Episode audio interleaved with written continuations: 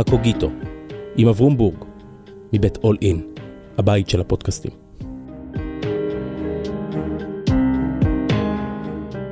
שלום, כאן אברום בורג, ברוכים השבים וברוכות הבאות לקוגיטו, אל ספריית הטקסטים של הישראלים, והיום עם דוקטור אופיר וינטר. שלום אופיר. שלום אברום.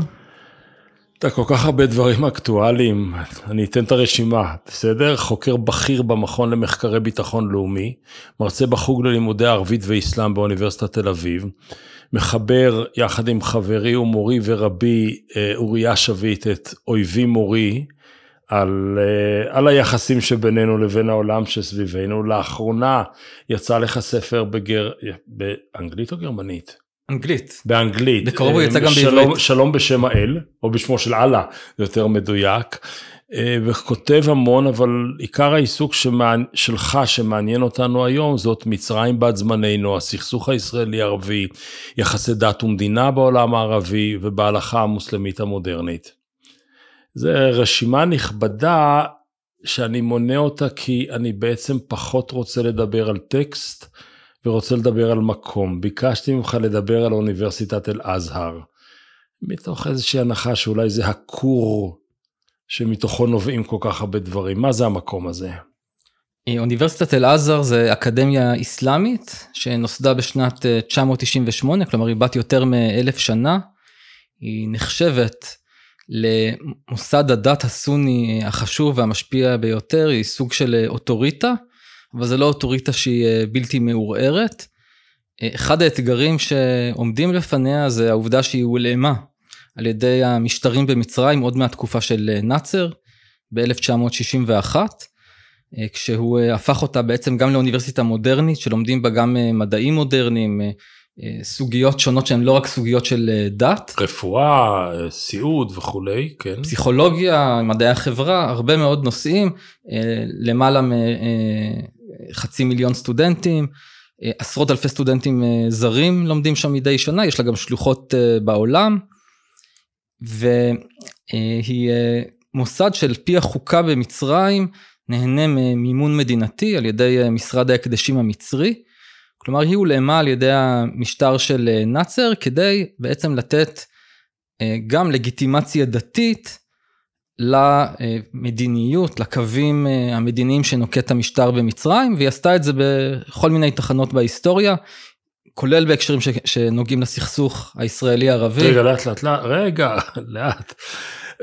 כלומר, היא קמה במאה העשירית, או לקראת סוף המאה העשירית, תקופה שבה יש שקיעה גדולה מאוד של המדעים בעולם הנוצרי, ויש עלייה עצומה של בתי החוכמה בעולם המוסלמי, וזו תקופה של כמה מאות שנים טובות שהעולם המוסלמי הוא עשיר, סקרן, פלורליסטי, וגם אז בימים הראשונים של ההיסטוריה, אל-עזר כזאת משמעותית? אל-עזר... או, בג... או בגדד יותר? אל-עזר הייתה משמעותית למיטב ידיעתי לאורך הרבה מאוד שנים, אבל כשאנחנו מסתכלים עליה בהקשרים של ימינו, צריך להבחין בעצם גם באל-עזר וגם במי שנמצא מולה. כי בזמנו אל-עזר הייתה, היה המקום שממנו יצאו הרבה מאוד הוגים מוסלמים חשובים, כמו מוחמד עבדו למשל, שהיה המופתי של מצרים, אדם שבעצם הוא אבי האסלאם הפוליטי באיזשהו מקום. נדבר עליו אולי יותר מאוחר, אפשר, כן. אפשר לדבר עליו. Mm-hmm. והיום כשאנחנו מסתכלים על אל-עזר היא נמצאת בדיוק בקצה השני, כלומר אם אנחנו מסתכלים היום על הזרמים האסלאמיים המרכזיים שנאבקים היום על מי ייתן את הפרשנות הנכונה והמודרנית של האסלאם, יש לנו מצד אחד את, אפשר לקרוא לזה האסלאם המדינתי, כלומר... טורקיה? לא, אני מתכוון למוסדות דת שנמצאים תחת שלטון של מדינות. Mm-hmm. זה יכול להיות אל-עזר במצרים, וזה יכול להיות אה, אה, במקום כמו אה, איחוד האמירויות, מפעילים גם כן הרבה מאוד אה, מוסדות דת שהם אה, במימון מדינתי, ובירדן יש את אה, בית הפסיקה הירדני, וכמובן לרשות הפלסטינית יש את משרד ההקדשים שלה ואת המופתי שלה, אלה אנשים שהם אנשי דת שמקבלים משכורת מהשלטונות, ובעצם מנסים לקדם את האינטרסים שלהם. לעומת זאת יש את מה שאפשר לקרוא לו לפעמים האסלאם הפוליטי או הזרם האסלאמיסטי, התנועה המרכזית שפועלת בו היא האחים המוסלמים, שהיא גורם בעצם שאפשר לקרוא לו גורם רדיקלי. גורם שמנסה לשנות את הסדר הקיים. אם האסלאם המדינתי מנסה לתת הכשר לסטטוס קוו, האזורי, הבינלאומי, הפנים מדינתי, לשמר את הסדר, לגבות את המדיניות הממסדית על ידי מתן לגיטימציה דתית, יש את הגורמים שקוראים תיגר על אותו אה, סדר בדרך כלל, והם האחים המוסלמים, אה, שהם ברוב המקומות הם אה, תנועות אופוזיציה, והם בעצם מציעים איזושהי מהפכה. בוא נסדר קצת דברים במקום, בסדר? כן. קודם כל, בניגוד למדינות המערב הנוצרי, שהמודל הבסיסי הוא הפרדת הדת מן המדינה, המודל הבסיסי בחמישים וכמה מדינות או מוסלמיות או רוויות אה, אה, ציבור מוסלמי, המודל הוא איחוד של הדת והמדינה, בין השאר בגלל דמות המייסד. כלומר ישו היה אופוזיציה לשלושה שלטונות, לרבנים, להרודיאנים ולרומאים, ומוחמד היה גם נביא וגם מצביא, או גם נביא וגם פילוסוף. אז בתוך העולם הזה שאין בו הפרדה בין דת ומדינה, אתה עושה הבחנה. בין שניים, בין מוסדות שהם דת מדינה, לבין כאלה שמאתגרים את המדינה או מהצד של הדת, או מהצד של המדינה. נכון.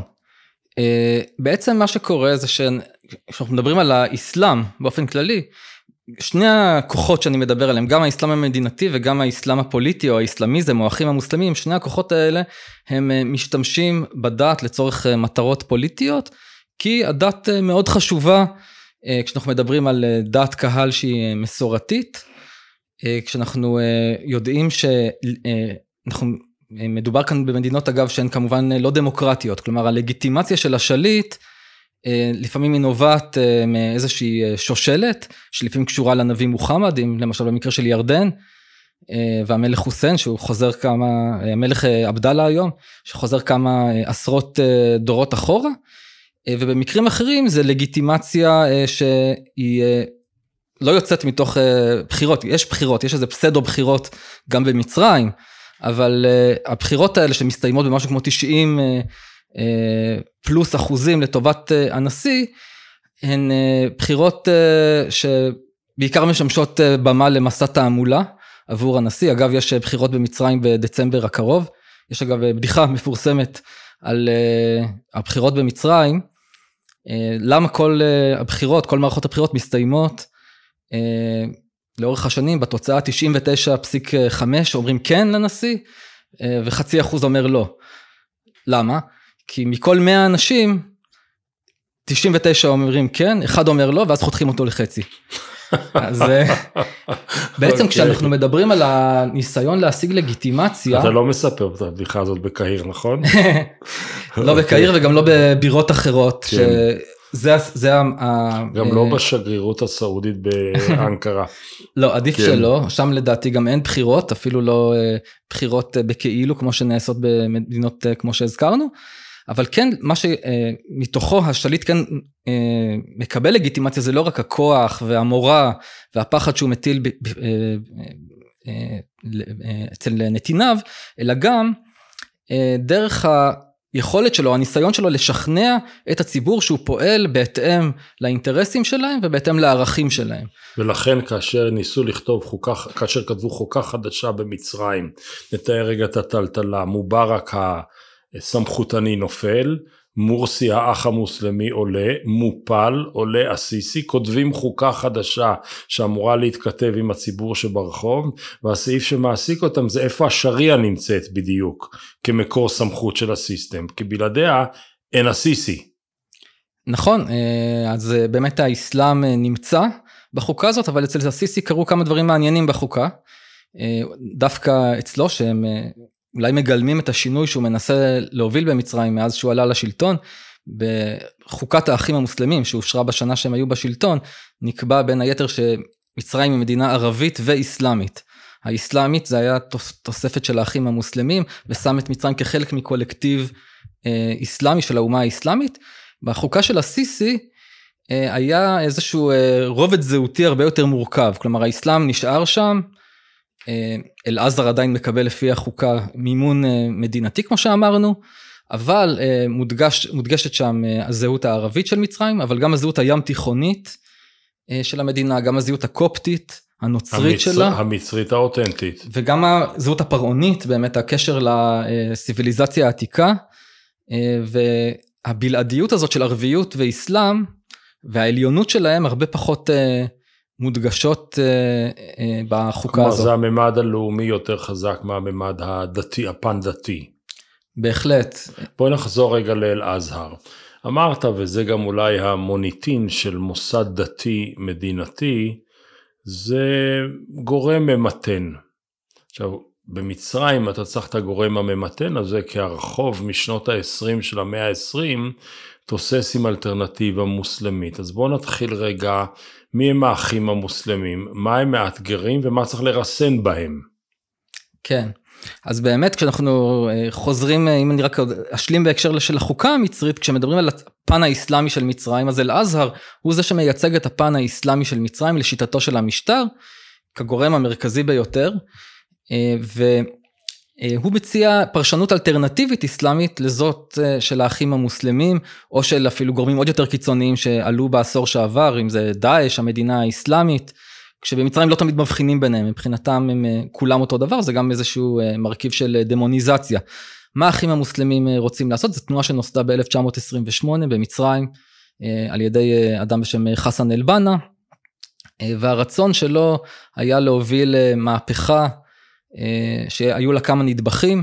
דבר ראשון, להפוך את האסלאם למקור הסמכות העליון בכל תחומי החיים, אם זה פוליטיקה ואם זה חיי, החיים הפרטיים של האדם, אם זה שאלות של איך מתלבשים ודיני צניעות. האסלאם הוא הפתרון, האסלאם האס... הוא הכל. האסלאם הוא הפתרון להכל, בדיוק.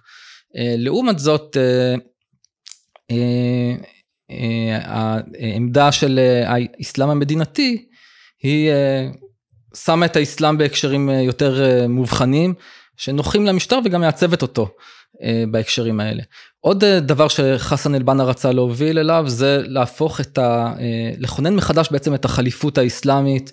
או... רגע, אנחנו חיים במזרח תיכון שיש בו מדינות, חלקן ותיקות מאוד, מצרים תמיד הייתה, במובנים, טורקיה תמיד הייתה, לא למרות שהיא לא ערבית, טוענים שאולי סוריה הייתה במובן של אשור, אולי כן אולי לא. אבל יש מדינות מומצאות, ירדן, סעודיה, עיראק הן מדינות מומצאות. כאשר יש כמיהה או נוסטלגיה לחזור לעידן החליפות, זאת בעצם תקופת הגדולה, שיש אימפריה אסלאמית אחת שמשתרעת ממסופוטמיה ועד קורדובה, עד האי האיברי, חצי האי האיברי. זאת, ה, אומרים חליפות, זאת חלופה למדינת הלאום המודרנית. כן, המטרה היא באמת לחזור, חליפות זה, זה בעצם בא מהמילה חליף, שזה המחליף לנביא מוחמד. לכן השתמשתי במילה נכון, חלופה. נכון, אז כן. זה באמת מילה דומה לעברית, כן. אבל באמת יש כאן שאלה של זהות, לא סתם... החליף אז הוא היורש. החליף כן, כן הוא הממלא מקום, הוא היורש, והשאלה כאן היא באמת שאלה של זהות, האם אני כאזרח, מצרי, האם אני רואה את עצמי קודם כל כלאומי מצרי או קודם כל כחלק מקולקטיב הרבה יותר רחב. והרעיון של האחים המוסלמים זה שצריך קודם כל בטווח הראשון הם, הם רואים את זה כתהליך ארוך טווח לפחות הזרם המרכזי שלהם. קודם כל צריך לאסלם את כל אחת ממדינות הלאום אם זה מצרים אם זה ירדן אם זה מדינות אחרות ובעתיד אפשר לנסות לכונן איזושהי ישות פוליטית ממשית בטווח הרחוק. אנחנו יודעים למשל, להבדיל, המדינה האסלאמית, דאעש, היא קראה בעצם לכונן את החליפות הזאת כאן ועכשיו, מרגע שהם השתלטו על שטחים בסוריה ובעיראק. אבל רק בשני מקומות, עיראק וסוריה, ISIS, עיראק, סוריה, Islamic State. נכון, אבל, כן. אבל אחר כך גם עוד כל מיני שלוחות נשבעו אמונים, כולל הייתה להם בסיני. שלוחה בסיני אמהמ. ובמקומות אחרים באפריקה. אז הטענה שלהם הייתה שמרגע ש... הגבולות מתבטלים ודגל האסלאם הוא זה ששולט כבר צריך זה סימן למעלה שצריך כבר להקים את החליפות. האחים המוסלמים רואים את זה כתהליך הרבה יותר הדרגתי וגם הם דוגלים בקידומו בדרכים פוליטיות דרכים חברתיות של הטפה מה שנקרא דאווה בערבית. אז זה דבר אה, נוסף שהאחים המוסלמים, אה, בעצם חלק מהחזון המהפכני הרדיקלי שלהם, כי הם רוצים לכונן מחדש או לחזור לעבר באיזשהו אופן בגרסה מודרנית, בגלגול מודרני. והאלמנט השלישי שהם במהפכה שהם רוצים להוביל, הוא יותר אה, קשור למה לא, מול מי צריך להיאבק, וזה הקולוניאליזם המערבי. ישראל נתפסת בדרך כלל כחלק ממנה, אולי כחוד החנית שלו, גם במובן הצבאי, כלומר צריך למגר את הכיבוש הקולוניאליסטי, אני מזכיר שהתנועה הזאת נוסדה בשנות ה-20 אה, והתפתחה בשנות ה-30 וה-40, כשעוד היו כאן אה, אה, מנדט בריטי. שזה ו... חלק מגל גדול של אנטי קולוניאליזם בכל המרחב העולמי, מהמזרח הרחוק, דרך הקרוב ועד אפריקה. אכן.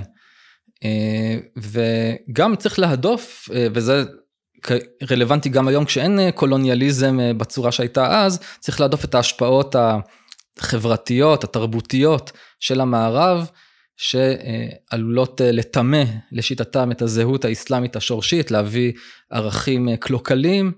וצריך להדוף אותם ולשמור על הזהות האסלאמית ולהגן עליה. והתנועה התוססת הזאת שהיא כבר מאה שנה תוססת וגם גולשת לאירופה, פגשתי באירופה את הנכד של חסן אל-בנה, טאריק רמדאן, עזוב את הבעיות האחרות שלו, אבל מנסה, ניסה בזמנו ליצור גם קהילות עם אמונה כזו בלב האסלאם האירופאי, uh, עומדת כנגד המדינה ולא סתם אנחנו, אני מתעקש עליהם כי הם אולי ההינטרלנד, האזור העמוק של החמאס. אנחנו מייצרים כאן רקע כדי להבין עוד רגע את החמאס ואוניברסיטת אל-עזהר בין השאר נועדת או נועדה לאזן את התפיסה הדתית של האחים המוסלמים, לרסן או למתן אותה. ואז אתה מוצא נגיד את אה, מוחמד סייד טנטאווי שהיה גדול הדור, היה מרן כן. בתקופת אירועי התאומים והוא הולך את כל הדרך, זאת אומרת שהמחבלים המתאבדים של קאידה הם בכלל כופרים שלא הולכים בדרכו האמיתית של האסלאם, והוא אומר את זה לא סתם במכתב למערכת, הוא אומר את זה באינדונזיה, במקום מוסלמי אה, אמיתי של ממש. אז איך זה קורה שברגע הזה, באוקטובר 2023, פתאום הם הולכים את כל הדרך לקראת תנועת הבת של האחים המוסלמים, החמאס. למה אירועי, אירועי אוקטובר 2023 זה כשר על פי אל-אזהר, ואירועי ספטמבר 2001 בניו יורק זה לא כשר? כן, זו שאלה מצוינת. אה, כמו שאתה אומר, באמת לאורך השנים המוסד הזה, אל-אזהר, נתן צידוקים אינטרסים שונים להחלטות מדיניות שונות של מנהיגים, אם זה, אם זה למשל הפלישה או ההצטרפות של אה, הקואליציה שכללה את מצרים אה, למלחמת המפרץ, אז אלעזר תמך. הזכרת את היציאה נגד הטרור של ה-9-11, והיו כמובן, אפשר כמובן לחזור אפילו לשלום עם ישראל, גם אז אל-אזהר תמך החלטתו של סאדאת לעשות, לחתום על הסכם שלום היסטורי עם ישראל ונתן לזה צידוקים דתיים. לפני כן, בתקופת נאצר, הוא התנגד אה, כשהיה אה, מצב של מלחמה בין הצדדים. כלומר, אנחנו רואים כאן גמישות של, של המוס... דת המדינה במובן הפוליטי, ה... איך ליבוביץ' אמר, שהדת הופכת להיות פילגש של המדינה, אז הייתה כאן פילגשות מסוימת. כן, כן, אגב זה איזשהו אתגר של אל-אזהר, ברגע שהוא כרוך במדינה זה גם אולי בעיני אה, גורמים מסוימים פוגע בלגיטימציה שלו כי מזהים אותו כאיזשהו כלי שרת אה, חכמי, אה, חכמי דת מטעם, אנשי חצר של המשטר שנותנים לו לגיטימציה דתית ולפעמים מסתכלים לעומת זאת על האחים המוסלמים כאילו הם מייצגים איזשהו אסלאם אותנטי להבדיל מהאסלאם הממסדי זה לא נכון זה לא חלוקה שהיא אה, לגמרי נכונה, יש בה מידה של אה, אמת, אבל צריך לזכור שלאסלאם המדינתי יש הרבה השפעה, אם זה דרך דרשות אה, במסגדים. הם מכשירים את כל האימאמים, הם בית מדרש לכלי קודש. אכן, הם מכשירים את האימאמים שאחר כך משרתים ועובדים במסגדים ונותנים את הדרשות, הם יכולים גם לפטר אותם אם הם סוטים מהקו. הם קובעים את התכנים של הדרשות, הם קובעים, הם משפיעים על תכנים בספרי לימוד, יש להם תוכניות טלוויזיה, ויש להם השפעה לא מבוטלת על דעת הקהל וגם פופולריות לא קטנה. ואני אחזור עכשיו לשאלתך באמת, איך אותו גורם פתאום לקח צד, אלעזר בתקופה שבה אנחנו נמצאים, המלחמה מול חמאס, ונתן בעצם שבחים וגיבוי למעשה טרור בוא נקריא את זה. בוא נקריא את זה רגע. אוקיי. אתה שלחת לי. שתי הכותרות זה הכיבוש הוא מקור כל רוע, והשנייה זה שאל את המצפון שלך. והשאלה בכלל למי זה פונה הדבר הזה, כי באתר שהפנית זה בערבית, אבל שורה שורה מתורגם גם לעברית. מי זה שקבע שהוא ממשיך לכבוש אדמות, אדמות של אחרים במשך 75 שנה? מי זה שמסרב ליישם את החלטות האו"ם? מי זה שממשיך לשתול התנחלויות? מי זה שהאכזריות הצבאית שלו? מי זה שמפציץ והורג אזרחים? מי זה שביצע פשעי מלחמה? מי זה שמסרב לשתף פעולה עם בית הדין הבינלאומי? מי זה שמטיל סגר צבאי ומדיני על אחרים? מי זה שרודף אחרי עיתונאים? מי זה שבנה את הישות שלו על בסיס דתי קיצוני? מי זה שהקהילה הבינלאומית רואה בו שלטון של כיבוש וכולי וכולי. זה פמפלט שיצא פחות משבוע אחרי אה, השבעה באוקטובר. נכון, אבל זה יחסית אה, טקסט אה, מעודן, לעומת אה, הטקסטים שלעזר אה, פרסם אחרי, אה, כבר בשבעה באוקטובר. אה, לעזר אה, פרסם הודעה של אה, שבח והלל אה, להתנגדות הפלסטינית. אה, גם אם לא נקבו בשם חמאס מפורשות, וכעבור כמה ימים יצא פסק הלכה מאל-אזהר, שמתיר הרג של אזרחים ישראלים.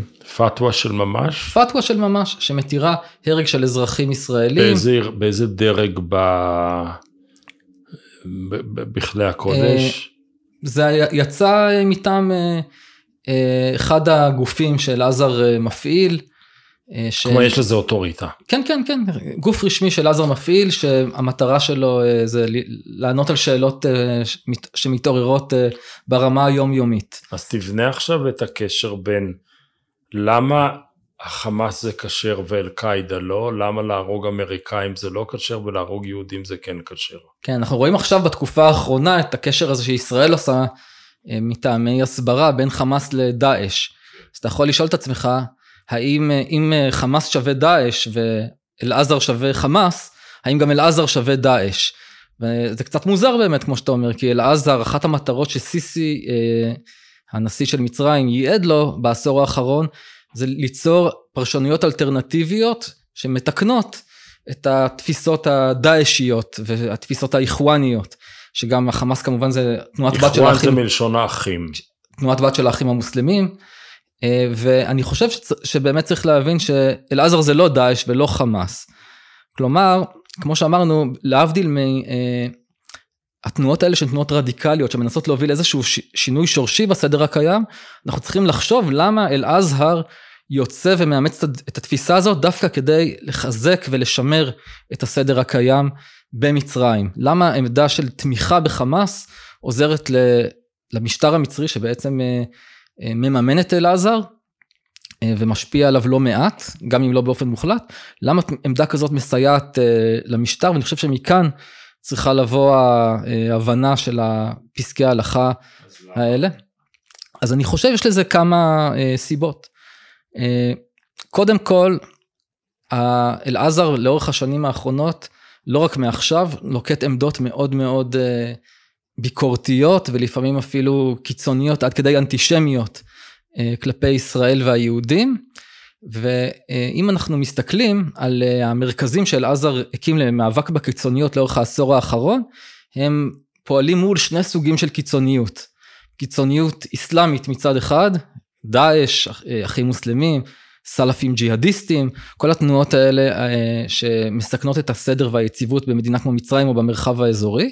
זה קיצוניות מסוג אחד והקיצוניות השנייה של עזר עוקב אחריה זה הקיצוניות הציונית הישראלית אה, מעקב אחרי אה, פעולות אה, של מתנחלים ישראלים שפוגעים בפלסטינים או מגיעים לאל-אקצא או מנסים ויש גם כל מיני תיאוריות קונספירציה לגבי הרצון של ישראל להקים את בית המקדש ולחפור תחת אל-אקצא ולה... אתה, לנת... בטוח, אתה בטוח שזה קונספירציה? אולי זה, יש גם גורמים יש שבאמת... יש כמה מנסים... מיניסטרים אצלנו שעובדים בזה. נכון, נכון, זה כמובן אה, מקל עליהם לטעון שזו המגמה הראשית בישראל. אני מקווה שזה אבל, עדיין לא אבל ככה. שני, שנייה, זאת אומרת, התמיכה ב, ב, ב, ב, בחמאס של החודש האחרון היא בעצם מבחינתם מאבק בהקצנה הישראלית, שאם היא תקרה, היא תפר את הסדר שבין ישראל המתונה למצרים המתונה? זה אה, דאגה אחת, אני חושב לא, ש... לא, זה ש... הלוגיקה מאחורי לא, התמיכה? אני, אני, אני חושב שהלוגיקה היא גם אה, לנסות לאזן, כלומר אם אנחנו מצד אחד נגד קיצוניות אסלאמית, אנחנו גם יכולים להיות מצד שני נגד קיצוניות מסוג אחר, שזה הקיצוניות הציונית, הישראלית, אה, כמו שהיא מתוארת. אגב, המילה ישראל לא נאמרת בפרסומי אל-עזר אף פעם, זה תמיד הישות הציונית. סיפר לי הנשיא ריבלין, שכשהוא היה בביקור במצרים הוא הביא לשייח' אל-עזר את התרגום של האסלאם, של הקוראן של אבא שלו, ואמר לו, אמר לי רובי שאמר לו השייח' שזה התרגום היחיד הלא ערבי שהם התירו להכניס לתוך הספרייה, כי הוא מדבר את רוחו של הנביא. יפה, האמת שזה באמת תרגום מאוד יפה ובשפה... הוא יפהפה. שפה אה, מאוד... בשפה תנכית. שפה מקסימה, כן. כן. הוא התייעץ עם ביאליק בתהליך של התרגום. אז היו כמה גרסאות מאז ואני חושב שאף אחת לא הגיעה לאותו אה, אה, כן. עידון, מבחינת השפה אני מסכים.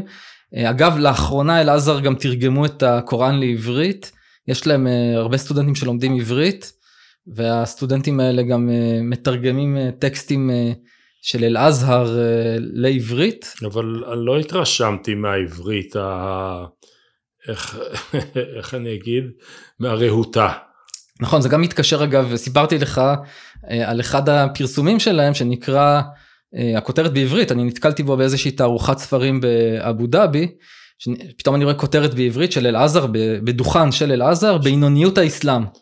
ספר שהמדיוק, ומה המילה שהתכוונו אליה אז באמת? המילה היא אה, ווסטיה. ש... דרך, דרך האמצע. דרך האמצע ההרמונית, אגב זה גם מתקשר ללמה הם תוקפים את ישראל לאורך הרבה שנים, לצד האסלאם הרדיקלי, כי הם תמיד רוצים למקם את עצמם כאמצע, כאמצע ההרמוני. אלעזר הוא... אה, אה, הוא לא קיצוניות אסלאמית אבל הוא גם נגד כמו קיצוניות. כמו זאת עברית ימי ביניימית של הדרך הבינוני. אבל כן. לא בינוני במובן הירוד, אלא במובן האמצעי. כן. כן. אה, נכון, נכון. אז אה, יש כאן טעות אה, תרגום, ויש שם הרבה תרגומים שהם לחלוטין לא קריאים, ואתה שואל את עצמך, למה הם מתרגמים את זה? האם הם באמת רוצים להגיע לציבורים שהם קוראים עברית? אחת העובדות המעניינות זה שהאתר של אלעזר חסום עבור ישראלים. אם אתה צריך לעקוף את זה בדרכים... ב-VPN כלשהו. נכון, אי אפשר לבקר בו. ו... הרבה פעמים יש תחושה אה, בחלק מה... אה, כשאתה מסתכל על העבודות האלה, א', שיש כאן פשוט אה, ניסיון ליצור איזושהי פרנסה לאנשים שלמדו עברית ולתת להם לתרגם, אין כאן באמת ניסיון להגיע לקהל יעד, אבל יש כאן כמובן גם היומרה של אלעזר להיות מוסד גלובלי, שמתרגם להרבה מאוד שפות, זה, עברית זה רק דוגמה אחת לעוד כל מיני שפות שהפרסומים שלהם הולכים אליהן. אז בוא נחזור רגע, אתה, אני לא בטוח שהבנתי עד הסוף את התמיכה בחמאס כדבר ממתן, אבל יכול להיות שגם הם לא הבינו עד הסוף, יכול להיות שהם גם מתכתבים עם רחוב שצריך להרגיע אותו, וזה חלק משפה פנימית, מצרית. אבל אני רוצה ללכת עם זה שלב נוסף, יש לנו את האחים המוסלמים. בצעירותו באיזשהו שלב יאסר ערפאת גם כן הסתובב שם באזור חיוג אחים מוסלמים, נכון? אה, כך אומרת השמועה. כן, אה, גם הוא, אה, ללא ספק... הוא סטודנט בקהיר, רדיקל, פגש אותם. באיזה נקודה בתוך העולם הפלסטיני חל השבר הזה בין הפלסטיני הנלחם על גאולתו מתוך תפיסה דתית לבין זה הנלחם על גאולתו מתוך תפיסה לאומית חילונית. כן, אה, אני תכף אולי אגיד משהו על הנושא הפלסטיני, אבל אני באמת רוצה אה, להשלים אולי כן בכמה מילים את התמונה.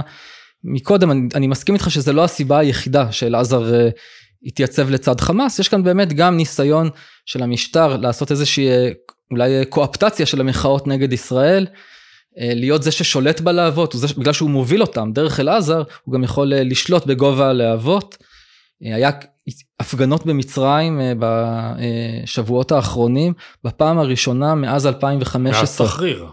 מאז תחריר, למעשה הפעם הקודמת שתחריר התמלא, זה היה כשמצרים עלתה למונדיאל בשנת 2018, אז באמת המשטר לא יכל לעצור את ההמונים, ועכשיו זו הייתה הפעם השנייה שנערכו הפגנות בכל רחבי מצרים בעידוד המשטר, חלקם יצאו ממש מאל-עזר בקהיר, וככה הוא גם בעצם, הוא מוביל את הטון, הוא גם נותן איזשהו פורקן אולי לגורמי אחים מוסלמים שבאמת באופן אותנטי מזדהים עם חמאס.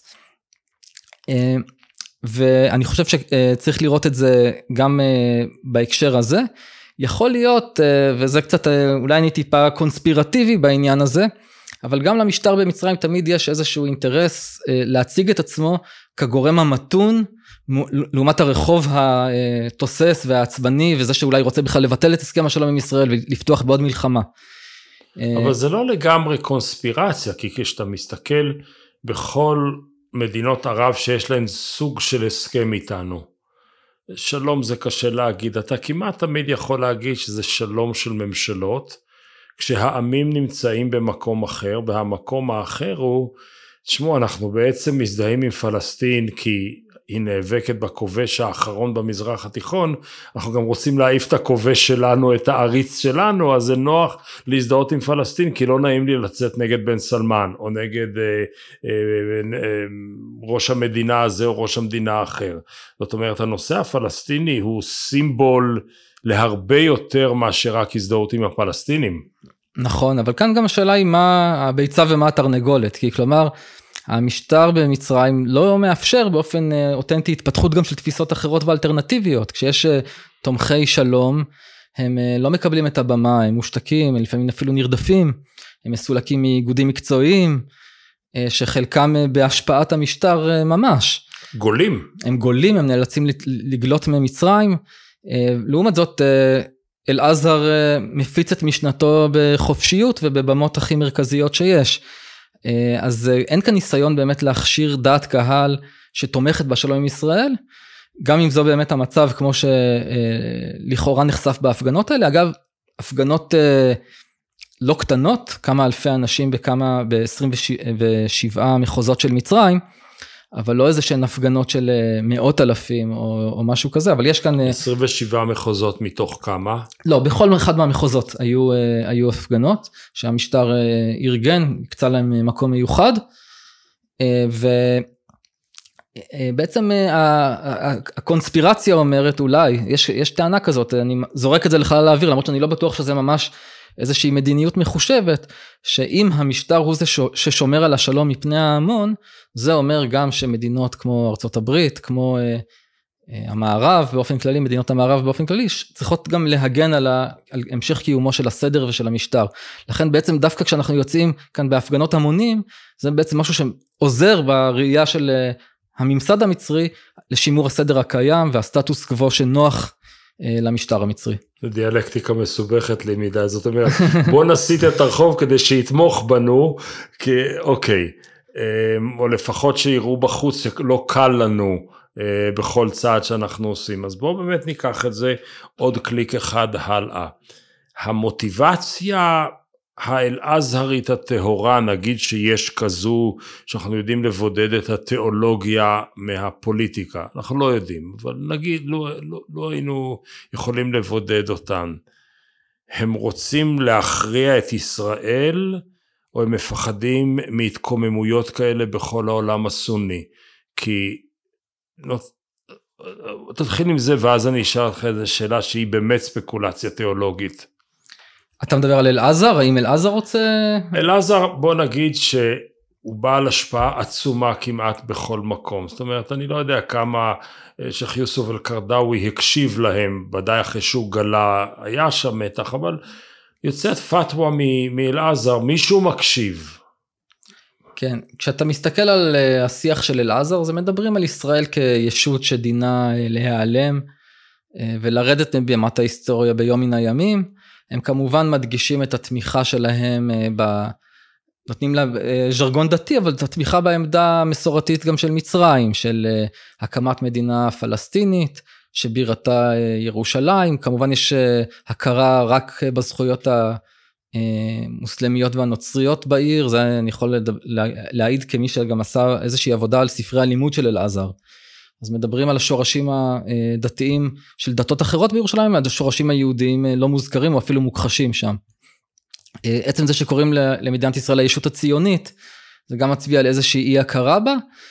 צריך להגיד גם בבתי הספר של אל-אזהר לא לומדים על הסכם השלום עם ישראל, זה אמנם בתי הספר האלה הם רק עשרה אחוז מכלל התלמידים במצרים, אבל זה שונה ממה שלומדים בשאר 90 אחוז התלמידים שכן לומדים על הסכם השלום עם ישראל, על התועלות שלו לאינטרסים של מצרים, על זה שהוא ישיב את סיני. אנחנו המצרים או אנחנו המוסלמים המצרים לא רוצים את ישראל במקום כי היא לא באה לנו טוב בעיניים או כי זה משהו דתי של דאר אל אסלאם שכל מקום שאי פעם היה תחת ריבונות מוסלמית לא יכול להיות אלא תחת ריבונות מוסלמית בעתיד. הם לא מגיעים לאמירות מהסוג הזה ש... שוללות לחלוטין בדרך כלל כל לגיטימציה של ישראל באיזשהו הסדר מדיני, כי בסופו של דבר, כמו שאמרנו, זה יש הסדר מדיני. מוסד שנתן הכשר לשלום עם ישראל, mm-hmm.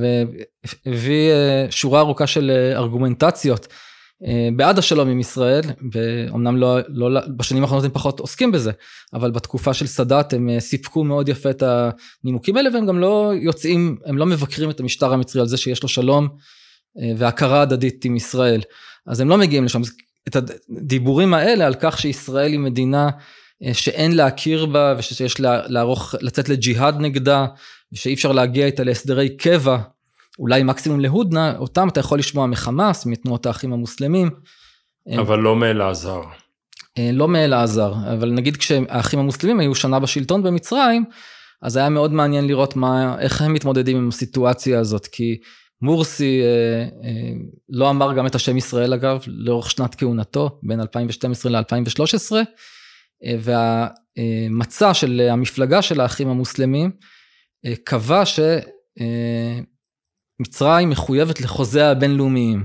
לא אמרו את השלום עם ישראל, אבל זה היה ברור שלכך הכוונה, אלא, אבל נוספה שם כוכבית, אלא אם הצד השני מפר אותם. עכשיו השאלה היא... אה, מה זה הפרה? וזה אגב מאוד mm-hmm. דומה להתחכמות של החמאס אה, מול הסכמי אוסלו, מול הרשות הפלסטינית. כן ולא ולא בדיוק והסכמים בינלאומיים, אבל אני רוצה לקחת את זה, אתה, אתה עוסק בדוסים שלהם. אז אני אתחיל מדוסים שלנו. החסידים המבנה הדתי שלהם הוא סביב הרבי כמנהיג הכריזמטי. המתנגדים עוסקים בלימוד תורה והדבר האינטלקטואלי הוא המהות של התורניות שלהם. עם השנים נהיה מצב שאצל החרדים המתנגדים יש רבנים כריזמטיים ואדמו"רים ואתה רואה פתאום חלחול בין חסידים למתנגדים. ואני שואל האם העובדה שיש ישות שנקראת חמאס, שנתמכת מצד אחד על ידי האיחואן שהם הכי סונים שרק אפשר, ובצד השני על ידי חיזבאללה איראן שהם הכי שיעים שרק אפשר, האם יכול להיות שרצועת עזה היא המקום שבו מתחיל הפעפוע ההדדי שבין הסונה לשיעה באופן הרבה יותר גדול מאשר רק הסכסוך שלנו? אה, אני חושב שיש כאן אה, באמת איזשהו אה, ציר רדיקלי שיש לו אידיאולוגיה עם הרבה מאוד קווי דמיון, חלקו הוא שיעי וחלקו הוא סוני, ובמובן הזה יש כאן גם באמת יכולה להיות כאן איזושהי דאגה מבחינת מדינה כמו מצרים לגבי האפשרות שהמודל הזה יצליח, כלומר אם חמאס יצא לשיטתו, לשיטת אחרים, מהסכסוך הזה כשידו על העליונה, אה, זה בהחלט יכול אה, לחבר עוד ועוד ציבורים סביב המודל הזה ולהפוך אותו למודל אה, מנצח.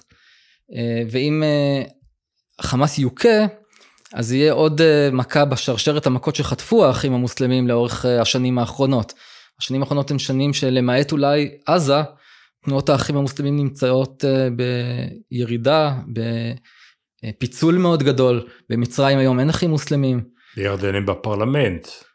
בפרלמנט, נכון, בירדן יחסית הם עוד קיימים. ובטורקיה שהיא בעלת זיקה, הם השלטון.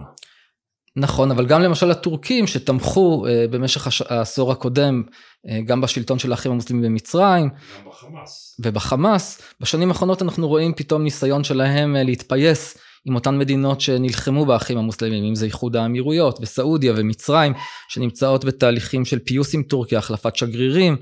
הבנה שבעצם הקלף הזה של האחים המוסלמים, גם ישראל אגב, הנורמליזציה עם ישראל שעכשיו שוב פעם נסוגה לאחור.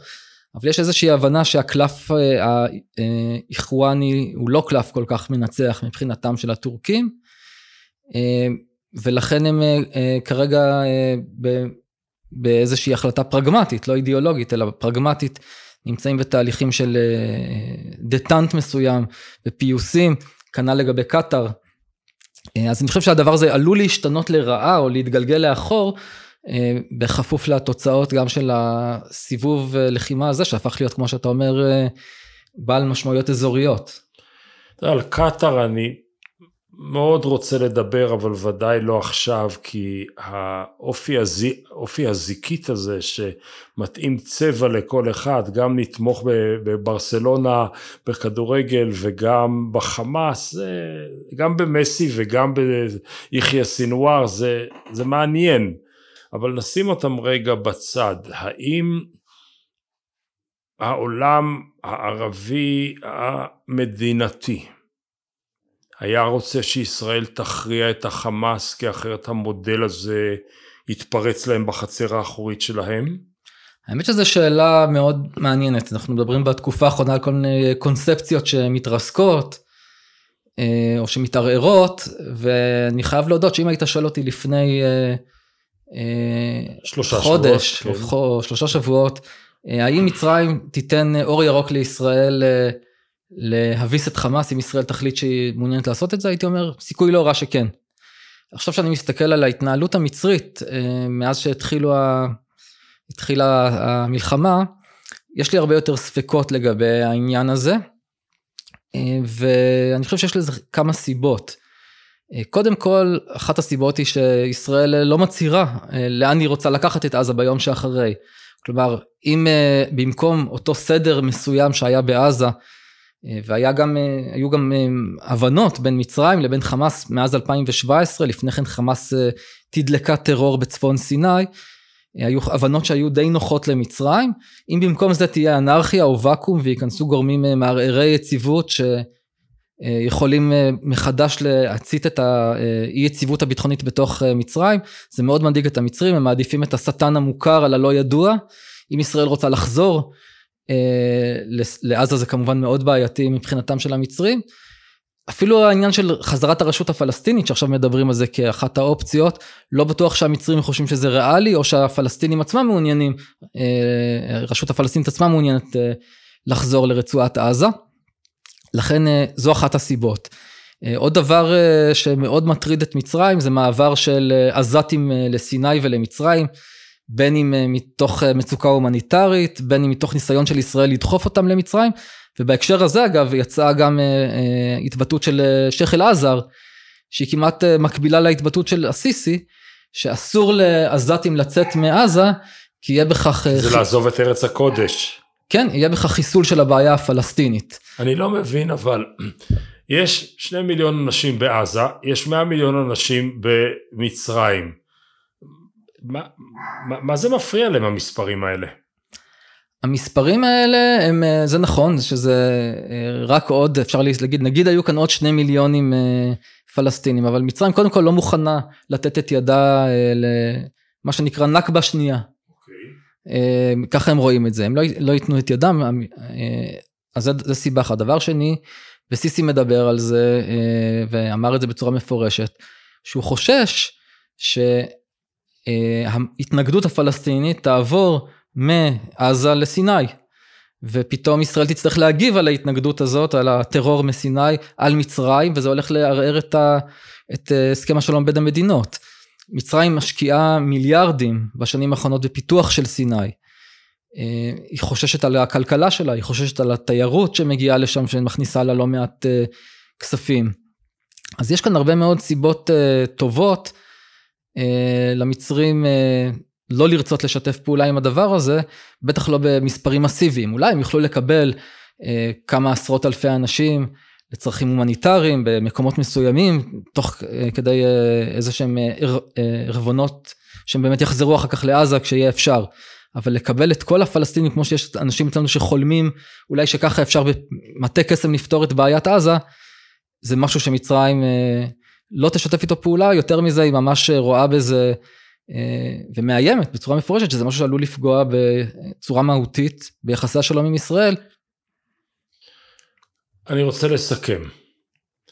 העזתים הם פלסטינים, אבל השלטון שלהם, המקור האידיאולוגי שלו הוא מצרי לחלוטין, כלומר האחים המוסלמים שחמאס היא תנועת בת שלהם. שלום, האיזונים איתם תלויים מאוד במדינת מצרים. מדינת מצרים לא יכולה להגיע לאיזונים בלי שיש לה את הסמכות הרבנית או את ההכשר, הרבנ... את ההכשר הדתי מאוניברסיטת אל-אזהר, ואוניברסיטת אל-אזהר מצד אחד תומכת בחמאס ובצד השני מתנגדת לקיצוניים. במילים אחרות, שום דבר לא מסתדר עם שום דבר. כן, אה, זה נכון שהשיח הזה שאלעזר אה, מפיץ, יש לו אולי איזה שהם אה, יתרונות בטווח הקצר, אבל כבר ראינו שיש לו גם תוצאות מאוד מסוכנות, כולל פיגוע שכמעט שכחו אותו, שנערך באלכסנדריה, שנהרגו בו שלושה ישראלים. השגרירות הישראלית כבר התפנתה ממצרים, האזהרת המסע בסיני ובמצרים היא הגבוהה ביותר שיכולה להיות. אה, לכן אה, יש כאן סכנה קודם כל על ישראלים היום במצרים, אה, ואני חושב שבסופו של דבר זה גם לא משרת את, מטר, את המטרות ארוכות הטווח של הנשיא הסיסי, כן, לקחת את מצרים למקום יציב, למקום שזוכה לפיתוח, לתיירות, לכלכלה משגשגת, להפוך אותו לבאמת איזשהו מגדלור של אה, מתינות דתית וסדר שגם אה, משתלב בהסדרים אזוריים רחבים יותר, יחד עם אה, מדינות נוספות שהיו רוצות לראות כאן אזור יותר יציב ומשגשג שהאינטרסים המשותפים של המדינות מקודמים בו. ולכן אני מקווה שהמשטר במצרים גם ינסה לרסן במידה מסוימת את אל-עזהר, וזה גם צריך להיות לדעתי אינטרס אזורי ובינלאומי רחב יותר. מתי יוצא הספר שלך על שלום בשם אללה בעברית? אה, ממש אה, בשבועות הקרובים, הוא כנראה בסוף אה, לא יקרא שלום בשם אללה, כי קצת קשה לדבר על שלום בימים אלה, אלא בשם אללה, אפשר להציג גם שלום. אתה חושב שזה יותר קל? בשם אללה כנראה אני אקרא לו, וככה אפשר, להצ... בשם אללה אפשר להציג גם שלום, אבל גם כמו שראינו לצערנו את הדברים ההפוכים. אז אולי זאת תהיה השיחה הבאה שלנו? אם תזמין. אינשאללה. נקווה. אופיר, המון תודות, למדתי המון. תודה אברום, גם אני שמחתי ולמדתי ממך. תודה.